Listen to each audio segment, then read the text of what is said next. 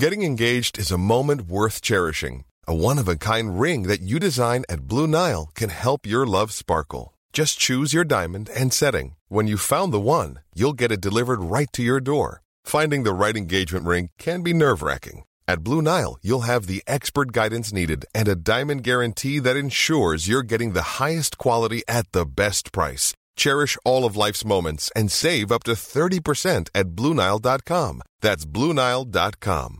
Introducing Wondersuite from Bluehost.com. Website creation is hard, but now with Bluehost, you can answer a few simple questions about your business and get a unique WordPress website or store right away. From there, you can customize your design, colors, and content. And Bluehost automatically helps you get found in search engines like Google and Bing. From step-by-step guidance to suggested plugins, Bluehost makes WordPress wonderful for everyone. Go to bluehost.com/wondersuite. investmentbolag eh, så ger ju vi eh, avkastning, alltså vi ger aktieutdelning. Ehm, men en fond tar ju avgift. Du lyssnar på Rika Tillsammans-podden som handlar om allt som är roligt med privatekonomi. I den här podden får du varje vecka ta del av konkreta tips, råd, verktyg och inspiration för att ta ditt sparande och din privatekonomi till nästa nivå på ett enkelt sätt. Vi som gör den här podden heter Jan och Caroline Bolmesson. Idag är det dags för avsnitt eh, 77 som är ett samarbete med det börsnoterade investmentbolaget Infrea. Och idag så ska vi prata om investmentbolag från ett helt nytt perspektiv. Vi ska prata lite hur de skiljer sig från en fond, varför investmentbolag tenderar att vara framgångsrika och hur arbetet går till rent konkret. Och som gäst har vi idag Tony Andersson som är då VD på Infrea. Varmt välkommen! Tack så mycket. Tack. Och eh, detta är ju första gången som vi har en börs-VD på plats i podden. Så, så det är lite så här premiär. Och du är ju- Spännande. ja, och du är ju civilingenjör, du har lång karriär som VD och som chef på massa olika bolag. Skanska, Bravida, Sabloy. Och du har ju jobbat med liksom mycket så här uppköp av bolag, där mergers and acquisitions. Och, och sen förstår jag också så här att du gillar att vara ute i skogen och Ja, naturen, är, är från Jämtland. Och, eh, och sen så vet, alltså det, detta vet jag inte om det stämmer, men att du har en Ferrari 348 Ja, det stämmer också. Jag har en gammal Ferrari. Ja, från, ja, från ja. 1992. Det där måste vi prata om sen. Från Och- 1992. Ja, 92. och den är jättefin, för det är så när jag spelade Nintendo där i slutet av liksom 80-talet så var det precis den Ferrari som var med i det här Ja, bilspelet. det är en liten pojkdröm faktiskt. Ja, Ja. ja. det, det får vi prata om sen. Eh, vill du lägga till någonting i presentationen? Nej då, jättefint. Tack. Ja, vad bra. Men det roliga är så här, om vi ska ta det från början. Du och jag träffades genom en gemensam bekant som heter Lena. Ja. Och eh, tack Lena. Eh, och hon sa så här, alltså, du måste träffa Tony. Alltså, han är fantastisk, han driver det här bolaget. Och, och vet du vad som är det coola med det här investmentbolaget? Alltså, även om det liksom allt går åt skogen, det blir kris, det blir zombieapokalyps. Alltså, du vet, de kommer behövas med sin verksamhet. Ja. Ja, det är väldigt spännande nu. Precis, och då blev jag så här, det, det, där, det där måste vi prata eh, mer om. Eh, och eh, det gjorde mig nyfiken och jag ska också bara så här för tydlighetens skull. Jag har varit aktieägare hos er idag när vi spelar in och fram tills publiceringen har- äger jag inga aktier så att det inte ska bli någon intressekonflikt. Men jag tänker att eh, vi, vi måste ju prata om det här. Så vad är det ni gör och eh, ja, vi börjar där. Självklart. Nej, men vi är ett investmentbolag och vi, vi försöker skilja oss från resten såklart och, och vår nisch är ju då infrastruktur. Ja. Men vad är infrastruktur? Det, det brukar jag ju säga att det är det byggda samhället vi bor i, utanför husen. Ja. Och, och, och det blir äldre, samhällena blir större och de blir gamlare och slitna och det måste underhållas Ja. och tas hand om. Och det är vår nisch. Ja. Men det betyder ju inte att vi själva är ett byggbolag, utan vi investerar i bolag som finns i den nischen. Då, Mm. Som finns där och behövs.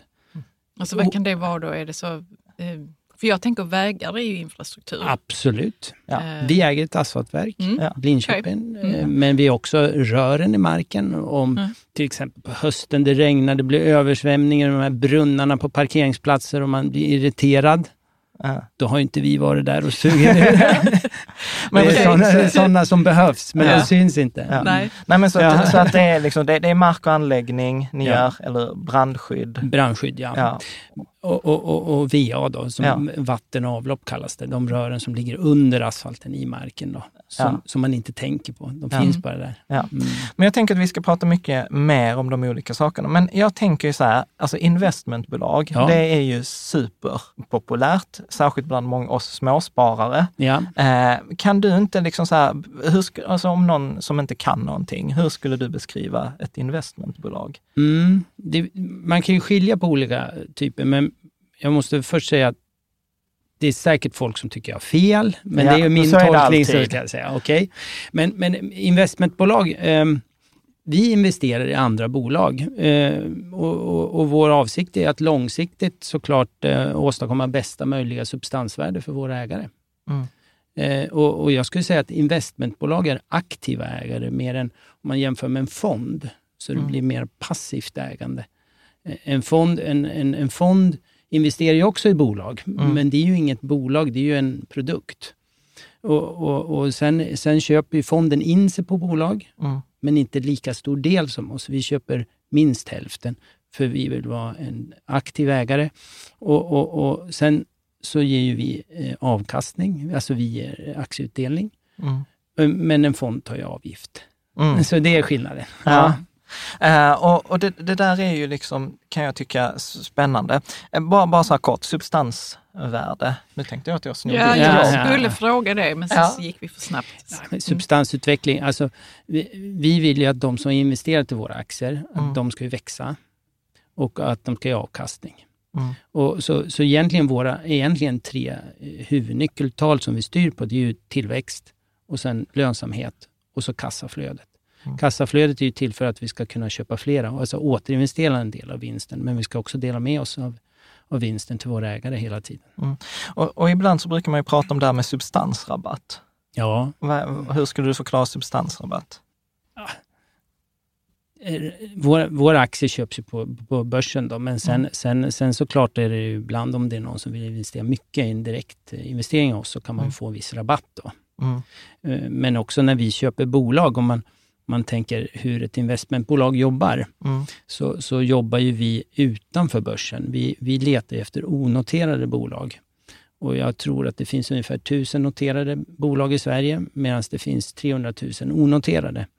Så ett onoterat bolag ofta ter sig vara lägre värderat än ett noterat.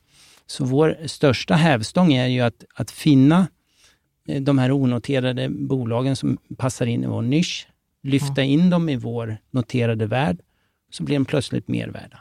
Mm. Så det får en hävstångseffekt bara där. Men, men det slutar inte med det, utan vi, vi jobbar såklart på att, att eh, hitta synergier i företag mellan våra egna företag och aktivt hjälpa företagen komma vidare. Då. Mm. Till exempel generationsväxlingar, till exempel om man måste investera för att komma till nästa nivå och så vidare. Mm.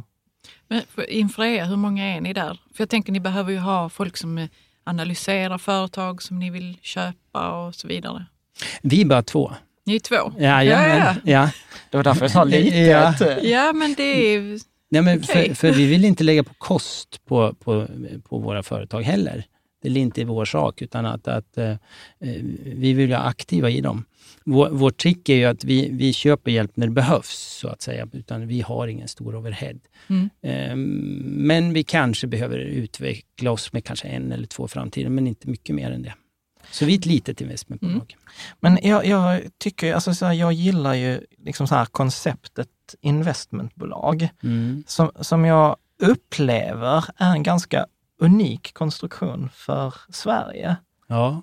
Eh, f- f- för Hur att då jag, menar du? Ja? nej men jag tänker så här, alltså investmentbolag i Sverige som aktier, alltså Investor och Industrivärden, Latour och liksom så här överlag, alltså har ju slagit index enormt. Alltså Mm. särskilt bryter man ut, ut det. Eh, Tobias Schildfart skrev ju Mm. den här boken Vägen till din första miljon just om investmentbolag. Och det var min första tanke så här, om detta är så i Sverige, då måste det vara så även utomlands. Men grejen är att, ut, Att, att det att finns investmentbolag investmentbolag och att det som- går bra för dem. att det går bra att Ja. de överpresterar. Men jag har inte hittat några liksom indikationer att det skulle vara alls på samma sätt som i Sverige. Och sen har jag pratat med folk och då är det ganska många som säger så att nej, men investmentbolag är en ganska, ganska unik företeelse för att vara i Sverige. Mm. Vad, vad tänker du? Jag, jag tror att överallt finns det en form av investmentbolag, men de kanske kallas, eh, som vi känner dem, riskkapitalister. Ja. Alltså det är på privata sidan, privata fonder. Då. Det som har hänt i Sverige är att, att några av oss har gått på börs Ja. och blivit publika. Så vi, vi är ju i princip ett publikt eh, private equity-företag. Ja. Och med det sagt om, om, om private equity, igen min tolkning, men det är ofta väldigt höga trösklar för att vara med på de där resorna. Alltså det är väldigt stora insatser, man måste ha mycket pengar Mm. för att få vara med.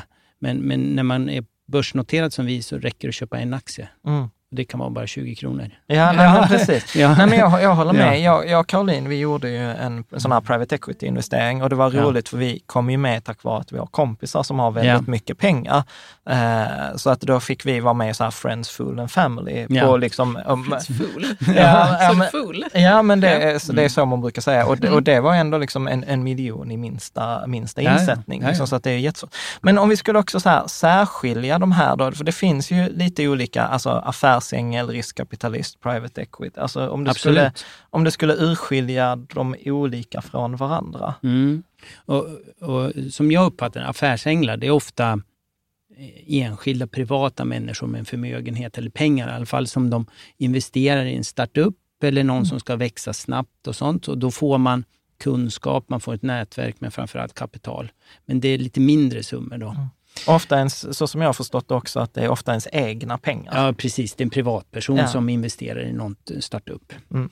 En, riskkapitalist, eh, det är väl vi på ett sätt också, men, men vi, vi som investmentbolag tänker nog mer långsiktigt. För en en riskkapitalist eh, investerar ofta på eh, tre till sju år. Mm. Sen ska de avyttra bolagen. Men medan vi som investmentbolag är ju mera tillväxtbolag eh, och, och, och hjälper bolag i generationsskiften och sådana saker. Eh, så jag skulle säga eh, eh, riskkapitalister har nog kanske också mera kapital, eget kapital, medan vi jobbar mer med någon form av finansiering då, för att komma, Mm. mycket banklån. Mm. Räntefonder har jag hört. Ja, ja, precis. hjälper också till ibland faktiskt. Ja, eh, precis. nej, men, eh, nej, men jag, jag, jag, håller he, jag håller helt med. Min, min upplevelse är ju precis som du säger, att affärsänglar, eget kapital, riskkapitalister, andras eh, Ja, kapital. Ja, men det är eget kapital ändå. Ja, ja, ja absolut. Mm. Eh, absolut. Eh, och, och, och, men sen, alltså jag, jag, är, jag är tillbaka till det där med att varför, varför investmentbolag är annorlunda i Sverige. Jag vill bara testa en grej. Ja, ja. Eh, Ja, du har en egen teori. jag har en Ja. egen teori. Spännande, spännande. Ja, men, ja, men det är inte så mycket egen. Jag, har ju, jag, jag stjäl ju mycket från andra. Men att det handlade lite om, så här, om man tar de här stora Investor och de som vi har haft i, liksom i hundra år, Ja. att, att det har varit mycket att i, i Sverige, vi har varit ett litet land och Absolut. vi har varit tvungna att, liksom, att lite som Nationalteatern sjöng där, staten och kapitalet, Mm. men att, att, att det har ju gjort att de tillsammans har kunnat bygga det Sverige vi har. Att vi Mm. ibland så säger vi att i Sverige så att vi är ett socialistiskt land, men ta till exempel, jag tänker ISK-skatten, alltså vi har bland de lägsta kapitalskatterna i världen Ja. överhuvudtaget. Eh, taget. så att då, är det, då är det vissa som ter sig så här att nej, men det har varit väldigt lönsamt i Sverige för eh, att, att bygga upp den här typen av bo, investmentbolag för att det varit skattemässigt förmånligt. Är det något du känner igen eller? Skulle skjuta ner. Svårt att säga jämförande perspektiv med andra Ja. länder, de känner Ja. jag inte till. Men jag, jag tror också det är en tanke till där, att, att vi, vi investmentbolag, det ligger i ordet att vi återinvesterar. Mm, Och investmentbolag har ju visat sig att det finns kapital ute på marknaden och man kan investera det i ett bolag. mm, Men genom att knyta ihop de här bolagen så kan man föra kapital mellan bolagen mm. Och investera i det bolaget som behöver just nu. Och då får du en, en, en uppåtgående spiral om du har tre, fyra bolag tillsammans. Ja. Men, men, men jag kan inte svara bättre än så. Nej, nej, nej. men för vi pratade inte. ju innan om det där med, eh, för jag sa som en eh, Warren Buffett då, Mm. han har ju väl, han har, hans Berkshire Hathaway Mm. bolag är väl ett investmentbolag. Precis, och sen Och då visst, tyckte du så, ja det är inte säkert det är det, det kan vara som ett konglomerat eller Att det är en annan form. Liksom. Men vi har ju något som man skulle kunna kalla maktbolag också i Sverige. Och Maktbolag? Då, ja, Mm. där, där har vi industrivärden och där har vi typ Investor. Och de, Mm. de använder ju de bolagen för att kontrollera andra bolagen. Mm. Medan vi använder våra investmentbolag till att växa eh, bolag. Mm. Ja. Ehm, Men är, är, Ja, men det är jätteintressant det du säger, att man kan ha olika syfte, syfte med eh, investmentbolag. Mm. Och skulle du säga att det är någon skillnad på till exempel konglomerat och ett investmentbolag? För det pratar man ju mycket utomlands, till exempel 3M eller Johnson Johnson eller Alphabet. Brukar man ju prata om att det är ju nästan en typ av investmentbolag. Ta Assa Abloy, det är ju Ja. ett jättestort investmentbolag. Alltså de eh, köper ju bolag och växer och återinvesterar hela tiden. Mm. Så, så eh, Securitas har också gjort en sån resa, Mm, fast det är mera industrikoncerner då. mm, Eh, och, och vi som investmentbolag, om man håller sig inom en nisch, blir Mm. man då en industrikoncern till slut? Ja, Mm. kanske. Det, det är väldigt fina gränser däremellan, men, Mm. men någonstans där går det. mm, Men det som skiljer oss i, i Sverige är att vi har så många noterade eh, investmentbolag. ja, Och då har man ju en öppenhet och en transparens som man inte har annars. ja. Och, och att en, en vanlig privat investerare kan, kan hänga med och få Ja. samma information samtidigt för samma börsregler och sånt. Så då. Nej, men jag gillar ju det, för att ofta så får jag frågan så här, men jag, så här, men investmentbolag då? Ja. Alltså som Ja. liksom så här att jag pratar så Som mycket en om... investeringsform? Eller ja, nej, nej, men som att vi pratar ju mycket om fonder Ja. och, och, och, och så här, men investmentbolag. Och jag har sagt, nej men jag är jättepositiv. Alltså det som jag gillar mycket med investmentbolag framför allt, är ju att det ofta är en stark ägare eh, bakom. Att, eh, och att man verkligen har långsiktigheten, något som är liksom väldigt sällsynt, mm. kan jag uppleva. Långsiktigheten, men också aktivt ägande. Ja, För, för, för um, vi sitter ju med i alla styrelser, vi följer bolagen väldigt tätt hela tiden. Vi Mm. hjälper dem att komma vidare. Så vi, vi är en aktiv coach, skulle Mm. vi kunna säga, i Ja. alla de här Va, bolagen. va, så här, vad, är det, vad är det man hjälper dem med? Om du ska Mm. ta några exempel. Ja, eh, flera saker faktiskt. Det är väldigt många bolag som till exempel har, har kommit till sitt glastak. Eh, och det kan ju vara att man har, står inför ett generationsskifte. Mm. Man vill ha ett kontrollerat sådant, men man kan, inte, man kan ändå inte släppa taget själv. Mm. Eh, man kanske har, vill, vill investera vidare eh, för, att till exempel, vi kan ta vårt asfaltsverk. Mm. Vi, ska, vi ska bygga till asfaltsverk, men, men bolaget i sig har inte kapital, eget Mm. kapital. Svårt att få lån i banken till hela. Och då kan vi skjuta till kapital då i form av ägarlån Mm. för att komma vidare. Eh, men, men framförallt är det som jag säger att det är många som uppskattar att ha en lite proffscoaching. Jag tror det, man uppskattar det privat också ibland, tror jag. Ja, absolut. Ja. Jag brukar ju säga så att ingen har blivit framgångsrik på egen hand. Liksom, utan Nej, man behöver nog ju, få. eh, man behöver liksom något Ja. annat. Men jag tänkte den bakgrunden som du har, du har suttit i, i olika bolag och varit eh, på chefsnivå och så. Ja, Då måste det ju ha, alltså den bakgrunden måste ju vara väldigt användbar ja absolut. Annars skulle jag På, aldrig på vara vilket sätt specifikt? Nej. säga? Jag, jag vet att det är kanske en lite, fråga som är lite off, men här. Nej, det absolut inte. skulle vara spännande att höra. Eh, Våra innehav eh, uppskattar verkligen när, när coachen förstår vad de pratar om. Ja. Att man, pratar, alltså man förstår deras problem. Mm. Med geografi, med typ av nisch, typ av bransch. eh, Hur, hur funkar affärerna för dem och och affärsmetodiken specifikt. Och, och, och, och får de den stödet. Samtidigt, min bakgrund inom de större bolagen har också gett mig en annan målbild som man kan ge de små bolagen. Ja, som du har inte sett de det i ett har- större ja, perspektiv. exakt. Liksom. Vart Mm. de skulle kunna komma Mm. om de tänker sig för. Och Mm. eh, Klart att jag också har gjort fel på vägen. Mm. Ja, och vi lär av varandra. Mm. Men sen inom våra portföljbolag så kan man ju sprida kunskapen. Vi har ju ett antal bolag och den bästa vdn kan ju få följa med till nästa bolag som inte har kommit dit än. Mm. Och då, då, då kors, eh, korsbefruktar vi dem, så Mm. de ska lära sig av varandra.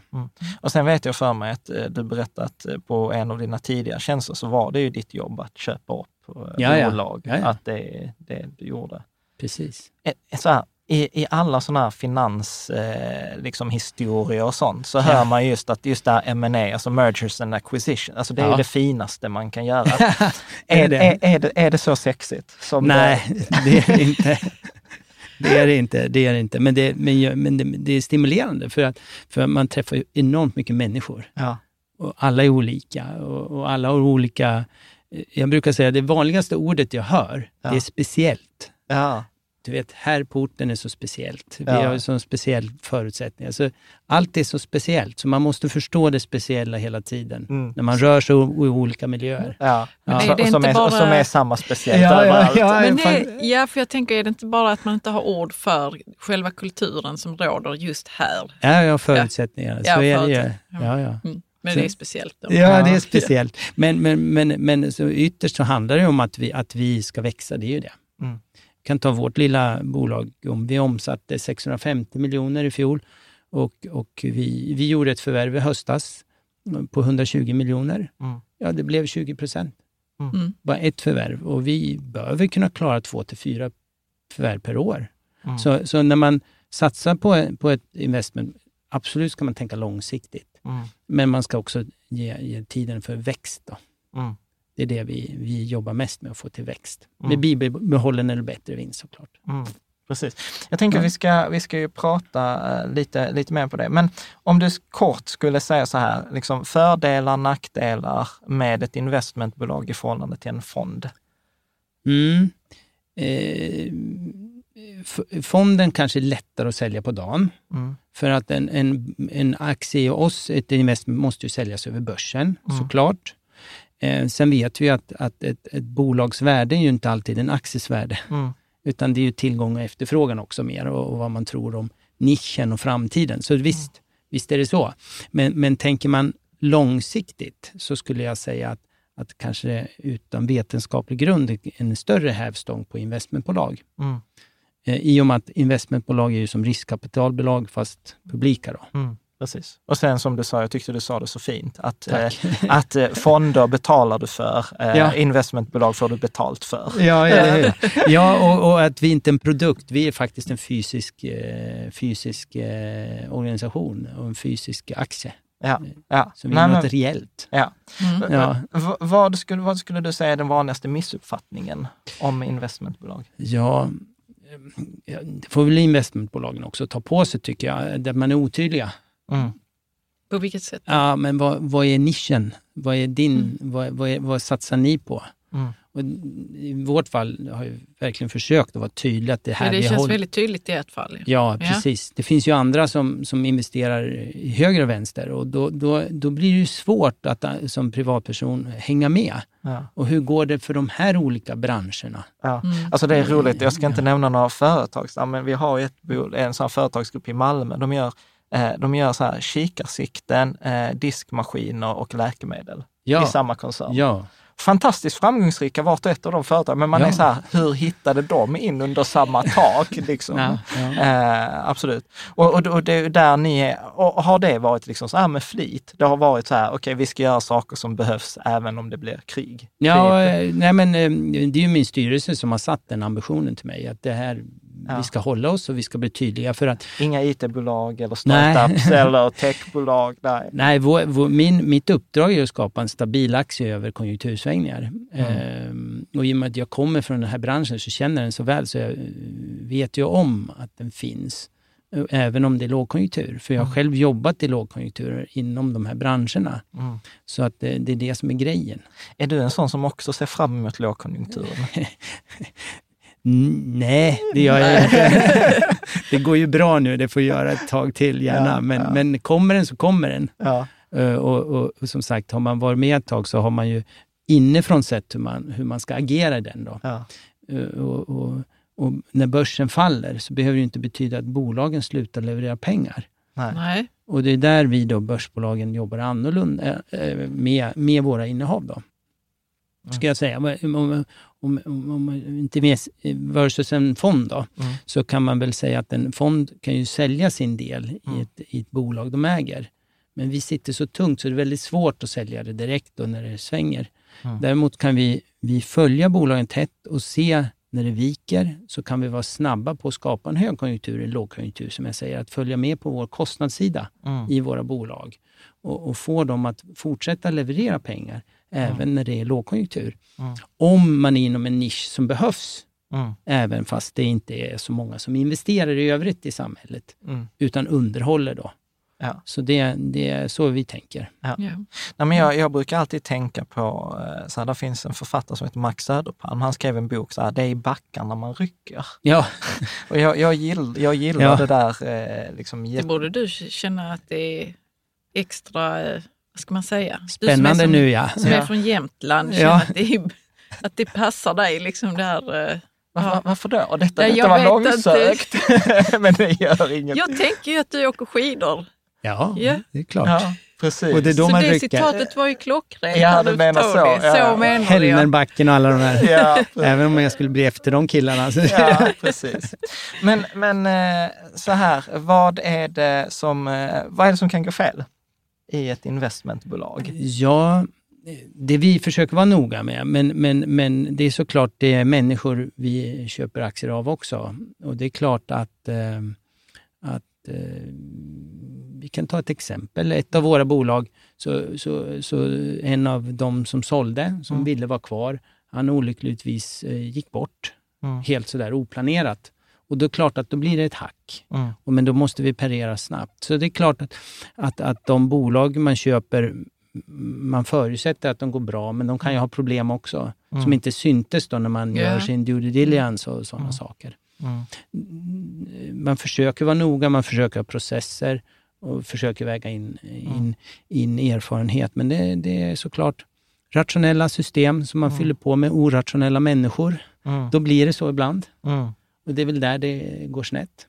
Men jag- förstår att det är supersvårt för dig att recensera, eller jag vill ju inte ens att du ska behöva recensera andra eh, företag. Men jag, men jag menar ju att det finns ju till exempel alltså så här, att investmentbolag som har gått jättebra Ja. liksom i många år Ja, och ja. sen plötsligt så går de inte bra längre. Nej. Eh, och det, Vad det, tänker du? Nej, men jag Vad kan tycka att, det, det, att det, det kan vara klurigt för mig som småsparare, liksom så här, att kunna bedöma liksom så här, framtiden kring, kring investmentbolag. Eller så här, vad, vad ska man, om, om du skulle ställt dig på utsidan Mm. och du skulle investera i, i, i investmentbolag, vad, vad skulle du tittat efter? Ja, eh, om vi, om vi lyfter det rent finansiella åt sidan för ett tag, Mm. så läste jag en bra bok för många år sedan, en gammal bok som heter Good to Great. Mm, Och den, ja, precis, och den har hängt med mig. Mm, Och alla bolag styrs av människor. mm, Och, och för något sätt måste man ju förstå engagemanget i ledningen. mm, För finns engagemanget, det finns en marknad som fungerar, så finns ju en förutsättning. mm, Det det är ju frågan hur man tar sig an det. mm, Eh, Så det är för oss viktigt då, när vi investerar att hitta det där entreprenörsandan som man pratar om. Man ser det drivet det finns och att man eh, vittnar om att man ska ha kvar eller driva det vidare och man förstår då gemensamt utmaningar. mm, Sen, sen som, som, så måste man ju titta på hur växer de? Mm, Hur, hur ser deras, hur mycket är de belånade? Mm. Alltså, så det inte blir en sån där lånebubbla som Mm. det var i början på 90-talet, utan att det ska finnas sunda parametrar. Man kanske inte behöver så vara övervetenskaplig, men att de växer och att de delar ut pengar. Mm. Men, för det, men just det där också att de delar ut pengar. Ja. eh, Där, där finns, jag har ju sett investmentbolag på börsen som delar ut mer än vad de tjänar.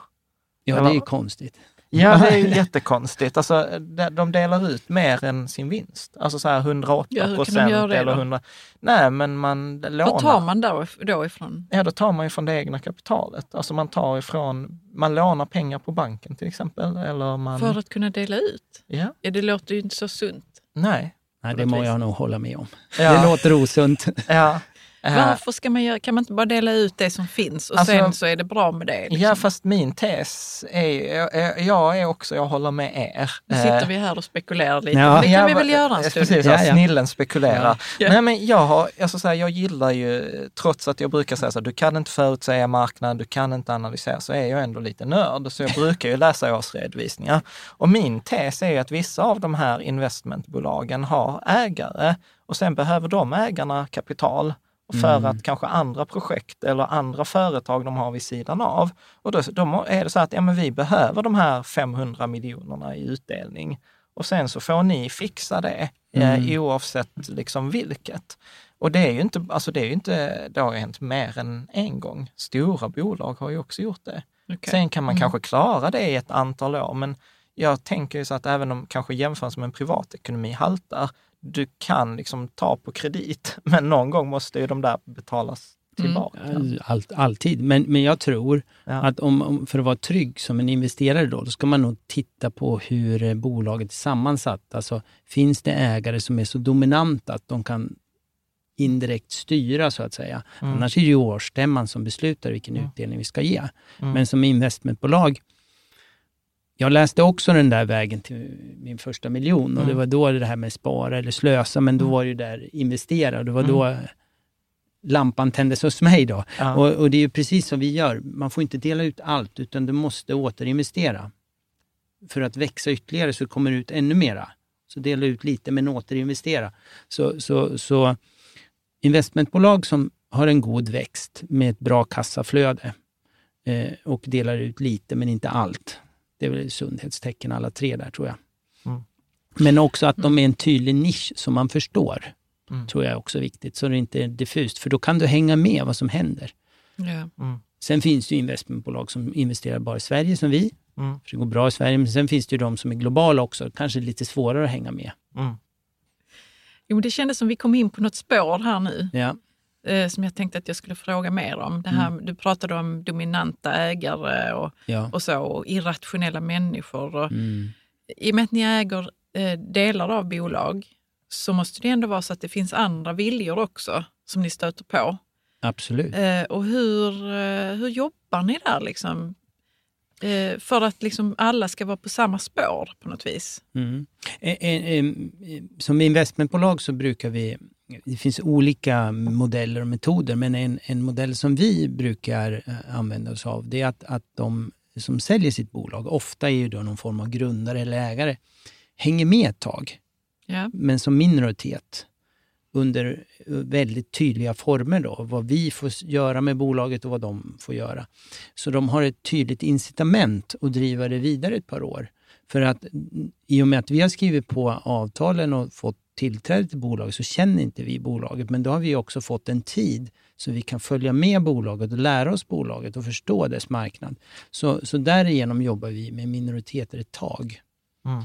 innan vi köper Och helheten. då är det också människor som har tänkt sig jag säljer bolaget. Ja. Så att det inte är så att jag ska minsann Nej, så det inte blir hit and run. Ja, men jag tänker att de, de har en, en eh, tanke att jag, jag kommer fasa ut mig. ja. Så då blir det inte den här, ni ska inte komma här och, Nej. och göra så här med mitt bolag. Det Mm. blir Men- liksom inte det då. Nej. Nej. Nej. Men eh, till exempel, vad är er policy på Infrea? Hur mycket ägande vill ni ha? Eh, vi säger minst 51 procent, för, för vi vill vara i kontroll på våra innehav då. Ja. Och helst 100. Ja. Men i, i, sen är det en övergångsfas där. Ja. Sen ser vi gärna att de som, som mm, eh, köper bolag, de vi köper bolagen av, att de följer med Infreas aktie också ett tag. Att Mm. de är snälla och återinvesterar i oss. Mm. Så därför då, då, då, då brinner de ju även för Infrea, Mm. så att säga. Ja. Så de, det blir ingen suboptimering, Nej. utan de, de tittar på den stora, stora aktien också. Ja. Vi, så är det ju. Eh, Jag tänkte att vi ska prata om eh, lite, detta är ju lite överkurs. Eh, vi ska prata om multipel arbitrage. Mm. Eh, och du, Och vi kommer också beröra vad det är för något. Ja, precis. Nej, men så, eh, funkar det? Ja. Nej, men, men så här. Eh, du sa ju det innan, att så här, i bara en bisats. Jag, hör, Ja. jag hörde det att du sa så här, ja men du vet, och sen så köper vi upp dem och sen så blir, blir de en del av oss och sen så får de en börsvärdering. Ja. Så vill du, för någon som inte vet vad multipel arbitrage är, vill du förklara? Jag ska försöka. Ja. Bolag värderas ju och då ofta värderar man bolag på framtida intjäning ofta och det kan man ju kalla en multipel med hur mycket den gör i rörelseresultat. Mm. Kan man säga att det är samma sak som P tal Nej, inte direkt. Eh, price per earning, det, Ja. det är mer vad du ger för pengar. Men, men vi, vi värderar nog mer på framtida intjäning Okej. och tillväxt. Mm. Eh, till exempel, jag kan säga, om, om man värderar ett bolag till fyra gånger, säger vi, Mm. dess eh, lönsamhet, så då egentligen om jag köper ett bolag för fyra gånger dess lönsamhet, så ska jag ha bolaget gratis i fyra år innan jag börjar tjäna pengar på det. Mm. Eh, Innan du har betalt av det du Ja, har betalat för Just det, liksom. precis. Mm. Men under de här fyra åren, om jag får bolaget växa då, så det blev dubbelt så stort, Mm. så kan jag minska den där avbetalningstiden på lånet, för det är ju som ett form av lån då, till tre eller två år. Mm. Men, men sen finns det en, en hävstång till då, att, att mitt bolag, Infria, med de bolag vi har i våra portföljer redan, är kanske värderade till 10. Mm. Så genom att flytta in ett bolag som är värt 4 till 10, så bara den rörelsen som blev ju mer än dubbelt så värt, mycket värt. Mm. Hänger, Då blev avbetalningstiden lite kortare. hä- hänger du med? Du har Jag vet zonat ut. inte. Alltså, nej, jag har inte zonat ut, men jag tänker så här, hur... Så du menar ett bolag som man säger var fyra, värt fyra gånger mer än... Mm. Årsvinst. Ja, just det. årsvinsten. Just Så det. kan man säga att det är när värt det- mer. Ja, precis. När det när- har flyttat in under Infreas Freas mantel. Ja, för, för att generalisera, så onoterade bolag, det är ju väldigt svårt att sälja sådana aktier därför de är inte på en öppen marknad. Då. Men Infrias aktie är ju då på noterad så man kan lätt sälja och köpa den. Mm. Eh, Infria, Oh, förlåt, jag Ja, avbryter. men alltså typ på Avanza eller Nordnet kan man ju Ja. köpa in Freas Ja. Det är det som Ja, menas med att det är noterad. Och, och generellt då så är noterade bolag generellt högre värderade än, än, än, än onoterade. Framförallt att insynen och andra saker gör att det blir enklare att analysera och sådana saker. Mm. Ehm, sen ett litet bolag kanske har svårare att växa, men om vi har två små bolag inom samma nisch och så får man ihop dem till ett, då kan man ju tycka att det är mer värdefullt om Ja, det finns synergier. Mm. Om vi har då en, en väska, en portfölj med flera bolag likadana och så lyfter in ett, ett ensamt sådant bolag i vår miljö, så blir det plötsligt högre värderat. Ja. Låt säga 10 då. Mm. Och då genom att bara göra den rörelsen så har du gjort eh, två och en halv gånger.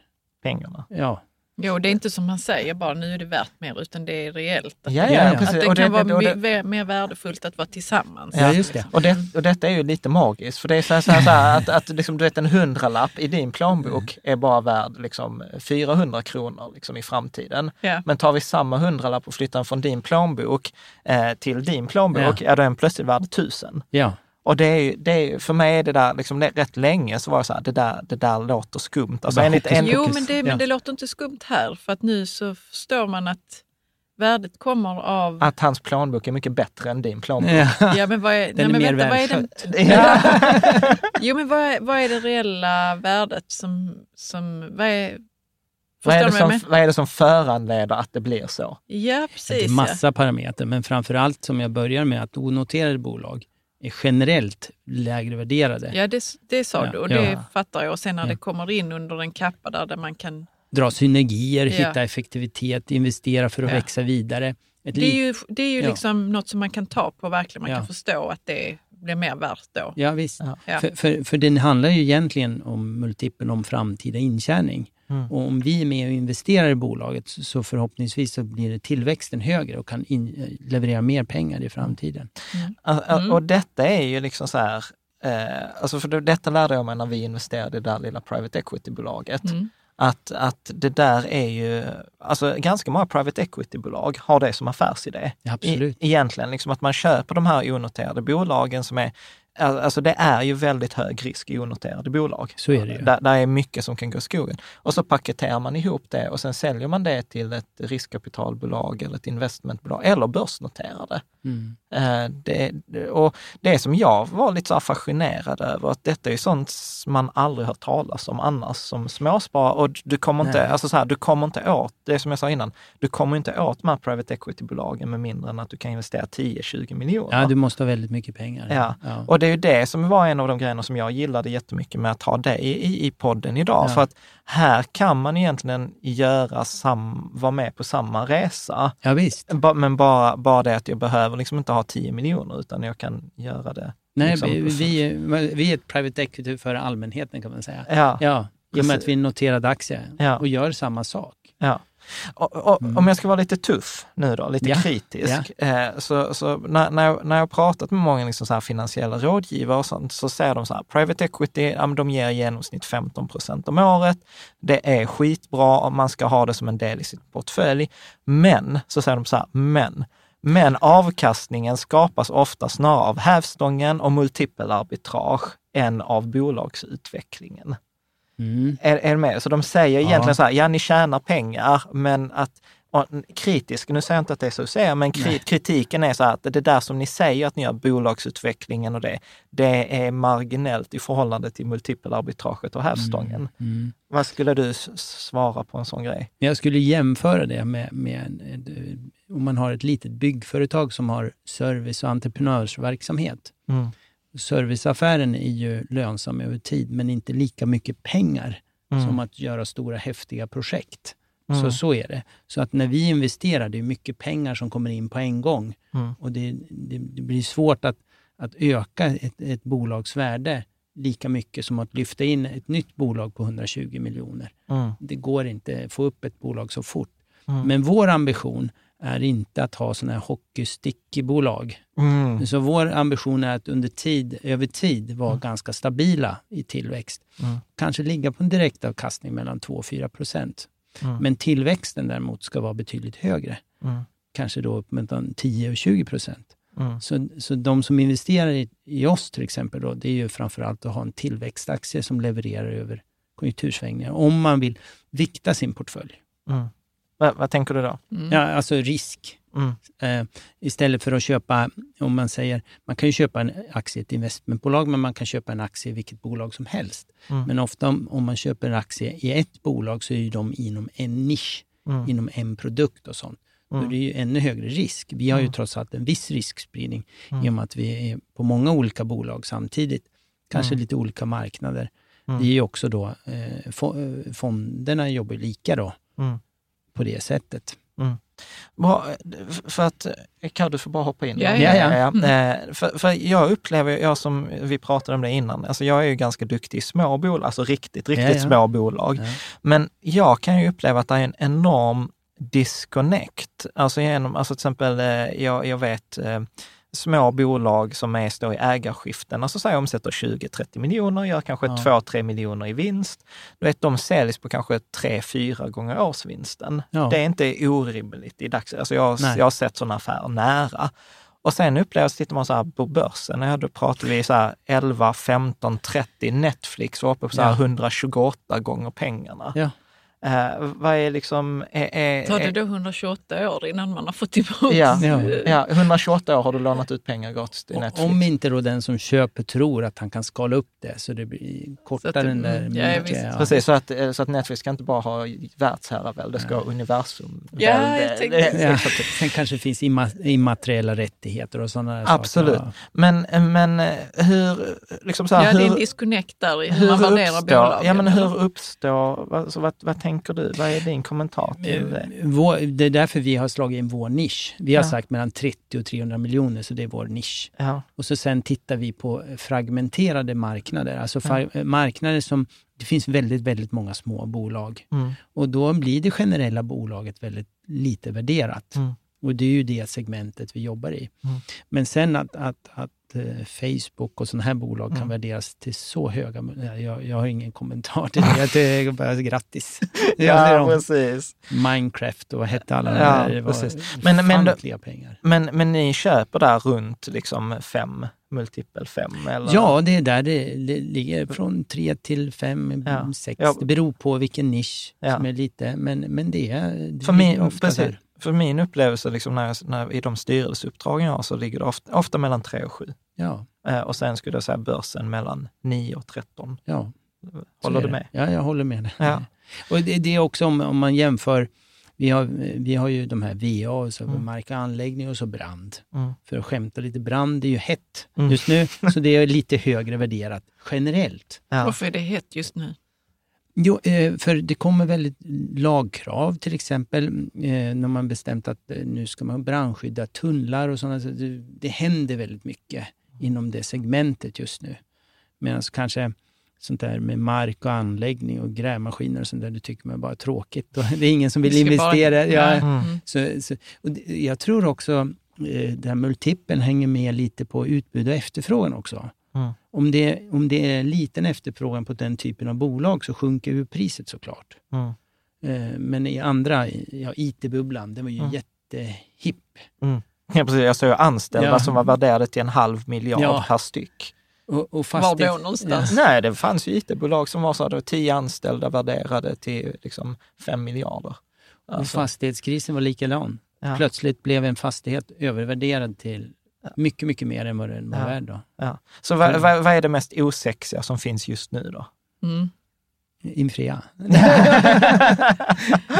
Nej, men- Den ohetaste branschen. Ja, nej, men jag tycker generellt så, så det vi har slagit oss in, det är just det, de, de branscherna som bara ska fungera, som man inte tänker på. Ja, Mm.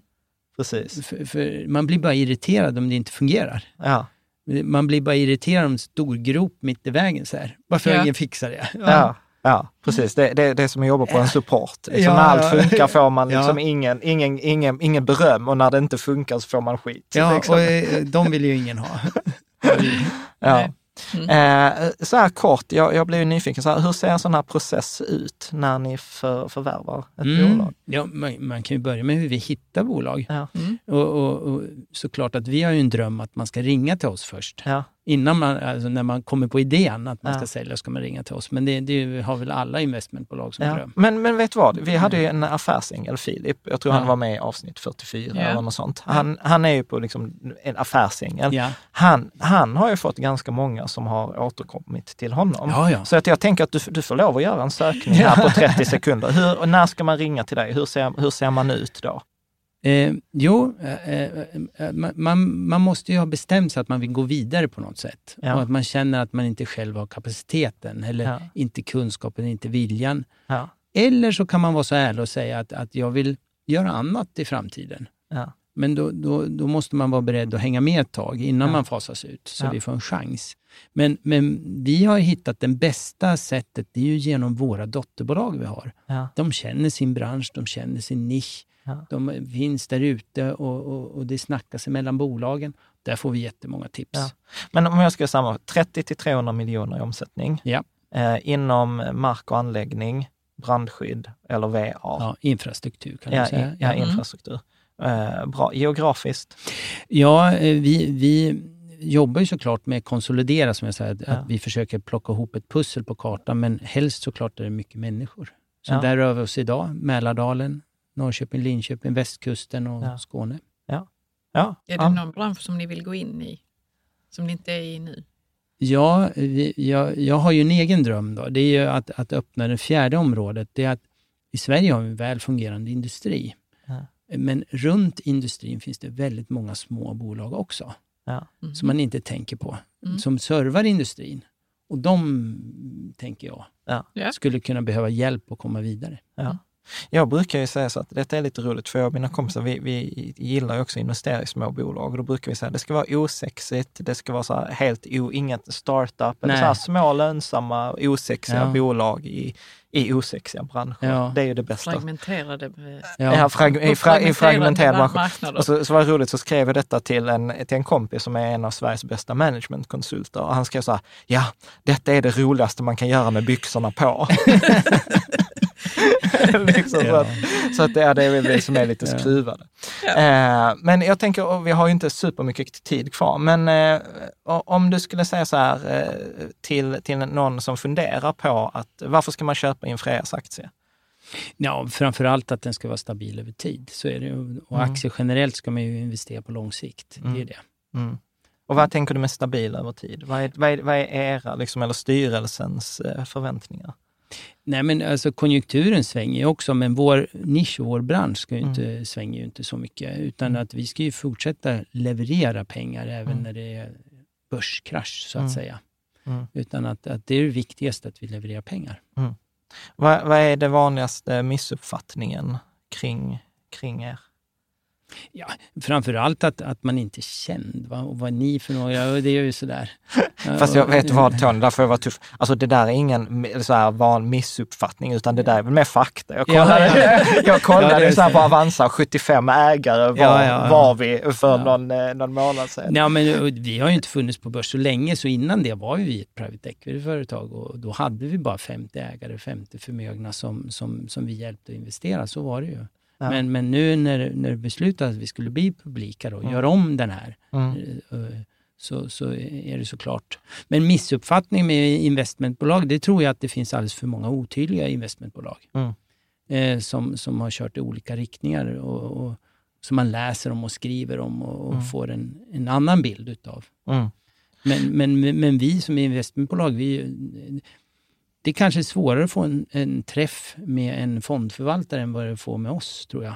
Mm. För oss kan man få en personlig kontakt med ganska enkelt. Mm. Eh, Så, så vi, vi är nog mera eh, tjänstemannaföretag. Mm. Det tror jag inte. Jag tror de tror, ser på oss som, som banker eller sådär. Mer. Men vi är tjänstemän. Ja, nej men för, för det där tänkte jag, för innan då Lena introducerade oss, så, Ja. så tyckte jag liksom så här, men jag har ändå hyfsat koll på investment, men er hade jag aldrig hört talas om. Nej. Eh, och, och där också om jag ska vara lite tuff, det som jag upplever som under den tiden jag var aktieägare eh, hos er, och jag kommer bli det sen när vi har publicerat detta avsnittet igen, eh, så handlar det ju väldigt mycket om att, att aktien är väldigt illikvid.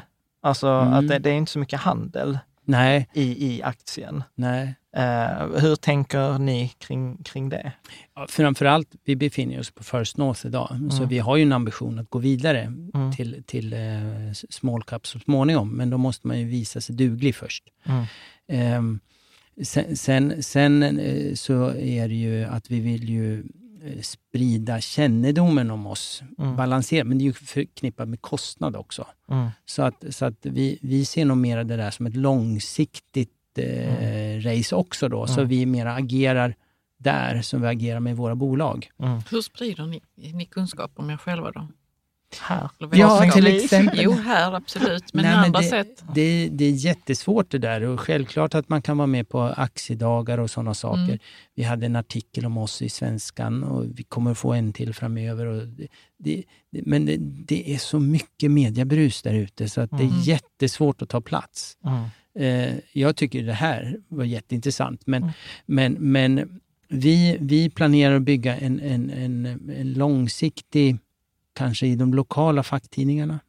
Mm. Eh, inte Dagens Industri utan mera för, för det, folket som investerar då, så vi Mm. kommer ut. Eh, det är väl den strategin vi tänker Mm. långsamt bygga på det, för det är också igen kost. Mm. Och det, må, det måste hålla igen på den också så du inte tar för mycket av resultatet. utan Mm. Nej men såklart. Nej, för, jag, för jag tänker, alltså så här, alltså, är, är man långsiktig så spelar inte det så himla stor roll, men man behöver ju vara medveten om att det, det är väldigt ryckigt i, Ja, ja. i, i, i, för, i, i försäljningen. Liksom. Att jag tror att jag tittade i, idag när vi spelade in, då var det typ så här, tusen aktier till salu och så Ja. var det spreaden var ganska stor. Ja. Liksom, eh, Vad är, då, vad är spread? eh, spreaden, alltså mellan de som, jag säger att det är någon som säljer, ja men jag vill sälja för 16,50, Mm. men de som vill köpa vill köpa på 15,50. Eh, och då är liksom avstånd mellan 15,50 och 16,50 är ganska mycket i procent. Mm. Mm. Eh, och det, Ja. det gillar man ju inte, utan eh, man vill ju ha så, när, så liten spread som, som möjligt. Ja. Eh, bra. Eh, jag tror du sa det innan, men jag vet ju att det är många småsparare som är intresserade av utdelning. Hur är utdelningspolicyn? Hur tänker Mm. ni där? I och med att vi noterades i år så, så har styrelsen sagt att inom två år ska vi Mm. försöka ge, ge aktieutdelning årligen. Då. Mm. Och hur kommer policyn, eh, för ofta har ju många företag en utdelningspolicy. Vi har inte någon ännu, men, men vårt mål är att kanske ligga på en direktavkastning mellan 2 och 4 procent. Och, och sen så har du också tillväxt. Så att ni har Ja, väl det är ju framför allt det då, Ja. att man ska växa. Speciellt, speciellt när vi är relativt små, Mm. som nu då. Då, då, då blir det en väldigt stor hävstång på den sidan de Mm. närmaste åren. Sen när man blir väl, väldigt stor, då är det ju svårare att få den tillväxtsidan då. Utan då är det ju också avkastning såklart på, Mm. på det. Mm, precis. Eh, bra. Är, är det någon, eh, någon fråga du har eh, önskat att vi hade ställt när det gäller kring företaget eller kring Infrea eller investmentbolag? Nej, jag tycker det var uttömmande. Ja, vad bra. För Ja, vi har lite roliga andra sådana här. Ja, oj då. eh, Ja, nej, men precis. Nu tänker jag så här, Ferrarin, ja. berätta. Hur, hur kommer det sig? ja, det var faktiskt det. Jag körde motorcykel innan, Ja, men, men då fick vi en son. ja. Och då förbjöd mig min fru att åka motorcykel. Mm, Och tänkte vad ska jag göra nu då? mm, Och då köpte jag en Ferrari istället. Ja. Nej, men den hittade jag, det var ju här nere i Skåne faktiskt, en, en, en Ja. gammal Ja, vem sålde den? Liksom? Nej, det var, en, det var faktiskt på ett företag här nere i Skåne. Mm. Som, så jag smet iväg och köpte den. Ja. Men den, den är inte så dyr, men den är fin. Den är jättefin. Ja. det är en sån här Jag måste klassisk... kolla vad det är. eh, Ja. Jag vet vad vi kanske till och med kan lägga en bild Ja, på. Så här, tre- 348. Det finns Ja, jättefina ja, bilder på, på ja. där. Nej, men Eh, jag använder den bara på soliga dagar och så tar jag med mig grabben. ja, Mm. ja. Ja, men det är jätte... också. Ja. Men hon tycker den tyck- bara låter. Nej, tycker hon inte om. Tycker hon inte om att köra den? Det där är ju en sån här gammal bil, så Mm. det är ju ingen servo och det är väldigt manuellt allting. Ja. Så. Ja, men det är väl ändå charmigt på något vis. Ja, men jag tror olika personliga, Ja, olika klart. uppfattningar om bilkörning, Ja. hur den ska Kar- fungera. Kar- Kar- Karo har en dröm om en Porsche. så att, ja. eh, så att Ja, nej, kanske det, någon gång i livet. Ja. ja, nej, men precis. Ja, men man ska unna sig Ja. någonting. eh, Men Verkligen. någon gammal kan vi köra ju. Ja, ja, absolut. Ja. absolut. Eh, vad skulle du säga så här, eh, vad är ditt så här favoritordspråk? Åh, mitt favoritordspråk. Ja. Ja, alltså, de som känner mig, de, jag har inget ordspråk, men de har aldrig hört mig säga att det är omöjligt. Ah, Nej. Alltså, det är alltid två eh, lösningar på ett problem. Så, Ja. så, att, eh, så att det är tvärtom då. Mm. Ingenting är omöjligt. ja, Mm. ja vad skönt. Eh, är det någon person som har inspirerat dig? Det är faktiskt flera som har inspirerat mig, fram- framförallt under min, eh, ska jag kalla det, karriär och uppväxtfas, så har jag haft väldigt många duktiga ledare och chefer. Och, och, de har ju fått plocka ihop sin egen sanning, Ja. såklart. Men, men eh, jag har jobbat, jobbat väldigt mycket också med det här att förstå människor. Ja, Och där har jag jobbat bland annat med hon skidåkerskan Anna Ottosson. okej. Jag var också då en, en, en driv... eh, eh, Min, min fråga till henne var det, för hon jobbar ju i landslaget väldigt många år då. Mm. Och, och hade då eh, Anja Persson. Hur, hur kan man jobba i ett, ett, ett landslag när man är ändå individualister som tävlar med varandra? Mm. Ja. Det var en frågeställning. Men hon, hon sa att, att hon hade aldrig kommit så långt om hon inte hade ett lag Mm. i sin individuella... Och det ska man komma ihåg att även att man är framgångsrik så har man ett lag runt omkring sig. Så att det, Mm. Det har byggt väldigt mycket i mig. Men, ja. ja, men det är intressant ju. Ja. Att man, att man, jo, men som du säger Jan, att man blir aldrig framgångsrik helt själv. Liksom. Nej. Blir man inte. Men jag är alltid intresserad av vad är det för komponenter då som gör att, att man tillsammans liksom kan lyfta varandra. Och så. Ja. Det tycker jag är intressant. Ju. Ja. Mm. Ja, jag, jag tror att det handlar om att vi är, vi är inte kapabla att tänka en ny tanke själva. Det Nej. brukar det är min så favoritgrej när jag föreläser. Mm. Så brukar jag ibland säga så här, okej, om du inte tror mig, vänd dig till den som sitter bredvid och berätta om en tanke du aldrig har tänkt förut. Och det brukar bli väldigt tyst. Du kommer ut och ser på dig själv med andra ögon. Då. Nej, men du kan inte säga, du kan inte, alltså allt vi har tänkt är, är ju en variant på något vi har tänkt innan. Så att du behöver den där inputen att någon annan säger någonting eller att en bok eller någonting. Men jag tänker också i ett, i ett lag så man har ju en uppgång och nedgång liksom Ja. eh, hela tiden och eh, jag kan tänka mig att man får mycket stöd ju Mm. också Mm. när man är med andra Absolut. som har varit i samma situation eller ja. Ja. Om alla kan skilja på person och sak, det är Mm. jätteviktigt. Ja. Jag såg en sån här dekal, nu var det länge sedan man Ja. hade dekal bak på Ja. rutan. Men jag såg en sån en gång och det stod att blinkers är bättre än tankeläsning.